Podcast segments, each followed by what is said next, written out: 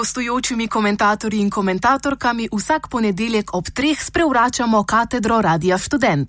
Premislimo izobraževanje pod katedrom. Še ena zgodba o šolninah. Začetek letošnjega akademskega leta je bil na flamskih visokih šolah in univerzah zaznamovan s številnimi bolj ali manj odmevnimi študentskimi protesti. V poletnih mesecih preteklega leta so medije namreč preplavila poročila o napovedanem ponovnem višanju šolnin na visokošolskih institucijah. Te postopoma naraščajo že od leta 2008, a je tokratno povišanje spodbudilo bolj burne odzive kot običajno, saj bodo šolnine naslednje akademsko leto v primerjavi z letošnjim znašale skoraj 45 odstotkov več. Odzivi javnosti so bili, kot pričakovano, različni in so ponudili dobro priložnost za ponoven razmislek o tem, kaj višanje šolnin pomeni v visokošolskem in širšem družbenem kontekstu.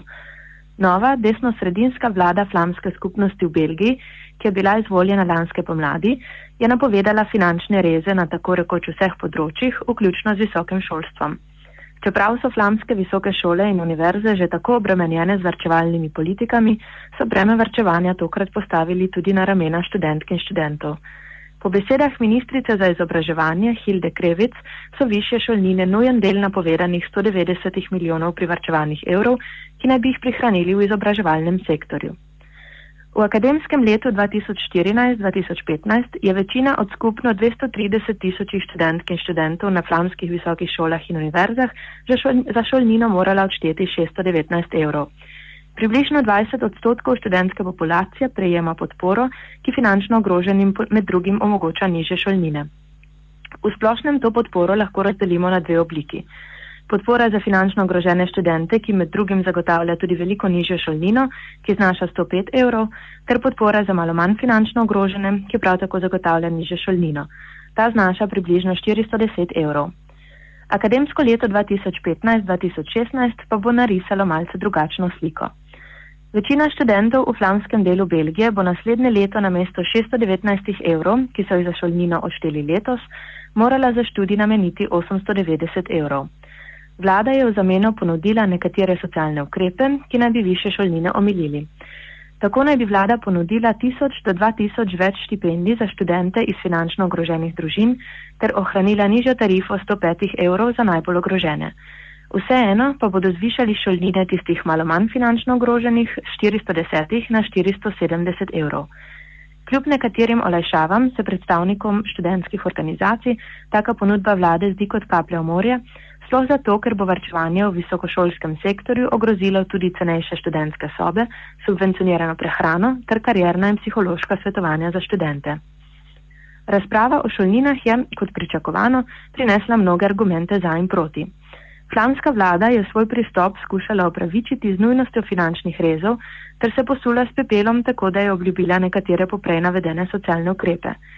Vlada je, kot že rečeno, svoje prijeme opravičila z dodatno podporo finančno ogroženim študentom, ampak zdi se, da se računica kljub temu ne bo išla. Tisoč do dva tisoč štipendij več bo le stežka predstavljalo kakšen znaten vpliv, če v obzir vzamemo dejstvo, da število študentov v Flandriji znaša 230 tisoč.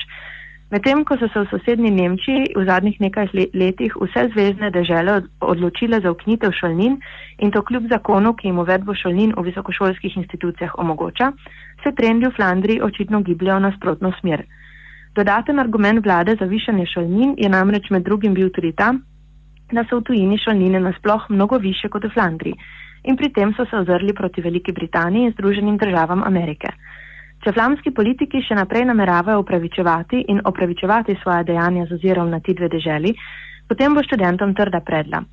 Belgija, ki naj bi veljala za socialno državo, se bo zaradi višene šolnin morala soočiti s selekcijo študentov, ki bo dajala prednost premožnejšim in s tem po eni strani ogrozila socialno enakopravnost, po drugi strani pa akademske vrednote.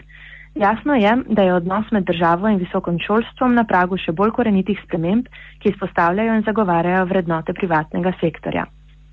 Predstavniki študentskih organizacij, ki so glasno nasprotovali višanju šolnin, se z argumenti vlade kako pak niso strinjali, ter povdarili, da je današnja mladina prisiljena izbirati med kakovostno izobrazbo, ki si je ne bodo mogli privoščiti vsi, in demokratično izobrazbo, za katero pa bi morali žrtvovati nivo kakovosti. Izpostavili so, da bodo više šolnine mnogim onemogočile oziroma močno otežile nadaljevanje izobraževanja na visokošolski ravni. Ulaganje v visoko šolstvo je v njihovih očeh nujno za prihodnost Flandrije in vlada bi morala prekiniti jamanje sektorju, ki je že tako močno prizadet zaradi preteklih finančnih rezov. Študentje in študentske organizacije so se odzvali z valom manjših in večjih protestov ter spletno peticijo proti rezom v šolskem sektorju, ki jo je podprlo prek 20 tisoč podpisnikov. Najodmevnejši protest se je odvil 2. oktobra v Bruslju, ki naj bi se ga odeležilo približno 5 tisoč protestnikov. Protesti, burne javne razprave in podpora nekaterih vodilnih na flamskih univerzah pa kot kaže niso pripomogli k spremembi mnenja na ministrstvu. V sledečih tednih v oktobru in novembru so se študentje ponovno nekajkrat zbrali in ustrajali, da se vlada ne bi smela igrati z njihovo prihodnostjo, saj gre za prihodnost nas vseh. Pa očitno nič ni zaleglo. Po poročanju flamskega radia in televizije so se vodilni na univerzah na vladne ukrepe odzvali različno. Alen Vershoren, rektor univerze v Antwerpnu, je na primer dejal, da je seveda jasno, da so finančni rezi nujni, vendar pa je žalostno, da bodo ta varčevanja neposredno občutili, občutili ter jih morali podpreti tudi študentje. Rick Tors, rektor Katoliške univerze Leuven, ki je najstarejša in največja belgijska univerza, se z višanjem šolnin načeloma ni strinjal, a meni, da je vlada v zameno ponudila zadostne socialne ukrepe. Po drugi strani je Anne Pape, rektorica univerze v Gentu, obsodila dejstvo, da bo breme varčevalnih ukrepov padlo tudi na študente. Sploh zato, ker više šolnine ne bodo zadostovale za nadomestitev sredstev, ki jih bodo univerze morale odtegniti na drugih področjih. In prav sled, omemba slednjega je še kako pomembna. Zdi se namreč, da je vlada zelo uspešno v središče javnih razprav postavila zvišane šolnine, ne pa tudi 190 milijonskih rezov, ki so to višanje povzročili in ki bodo univerzam in študentom povzročili še marsikatere druge nevšečnosti. Rezi, ki jih je napovedala vlada, ne le na področju izobraževanja, temveč v tako rekoč vseh mogočih sektorjih, so sicer do dobra razburkali flamsko in belgijsko javnost v mesecu decembru, ko se je na ulice podalo na deset tisoče stavkajočih delavcev. Čeprav študentje tedaj niso bili več neposredno v spredju, so ti protesti pomembni, se vladni rezi, naj si bo na področju izobraževanja ali drugih področjih, napovedujejo večanje socialnih neenakosti. Flamska zgodba o šolninah, tako kot ostale zgodbe o uvedbi ali višanju šolnin, torej ni le zgodba o šolninah, temveč med drugim odraža naraščajoče razlike med družbenimi sloji.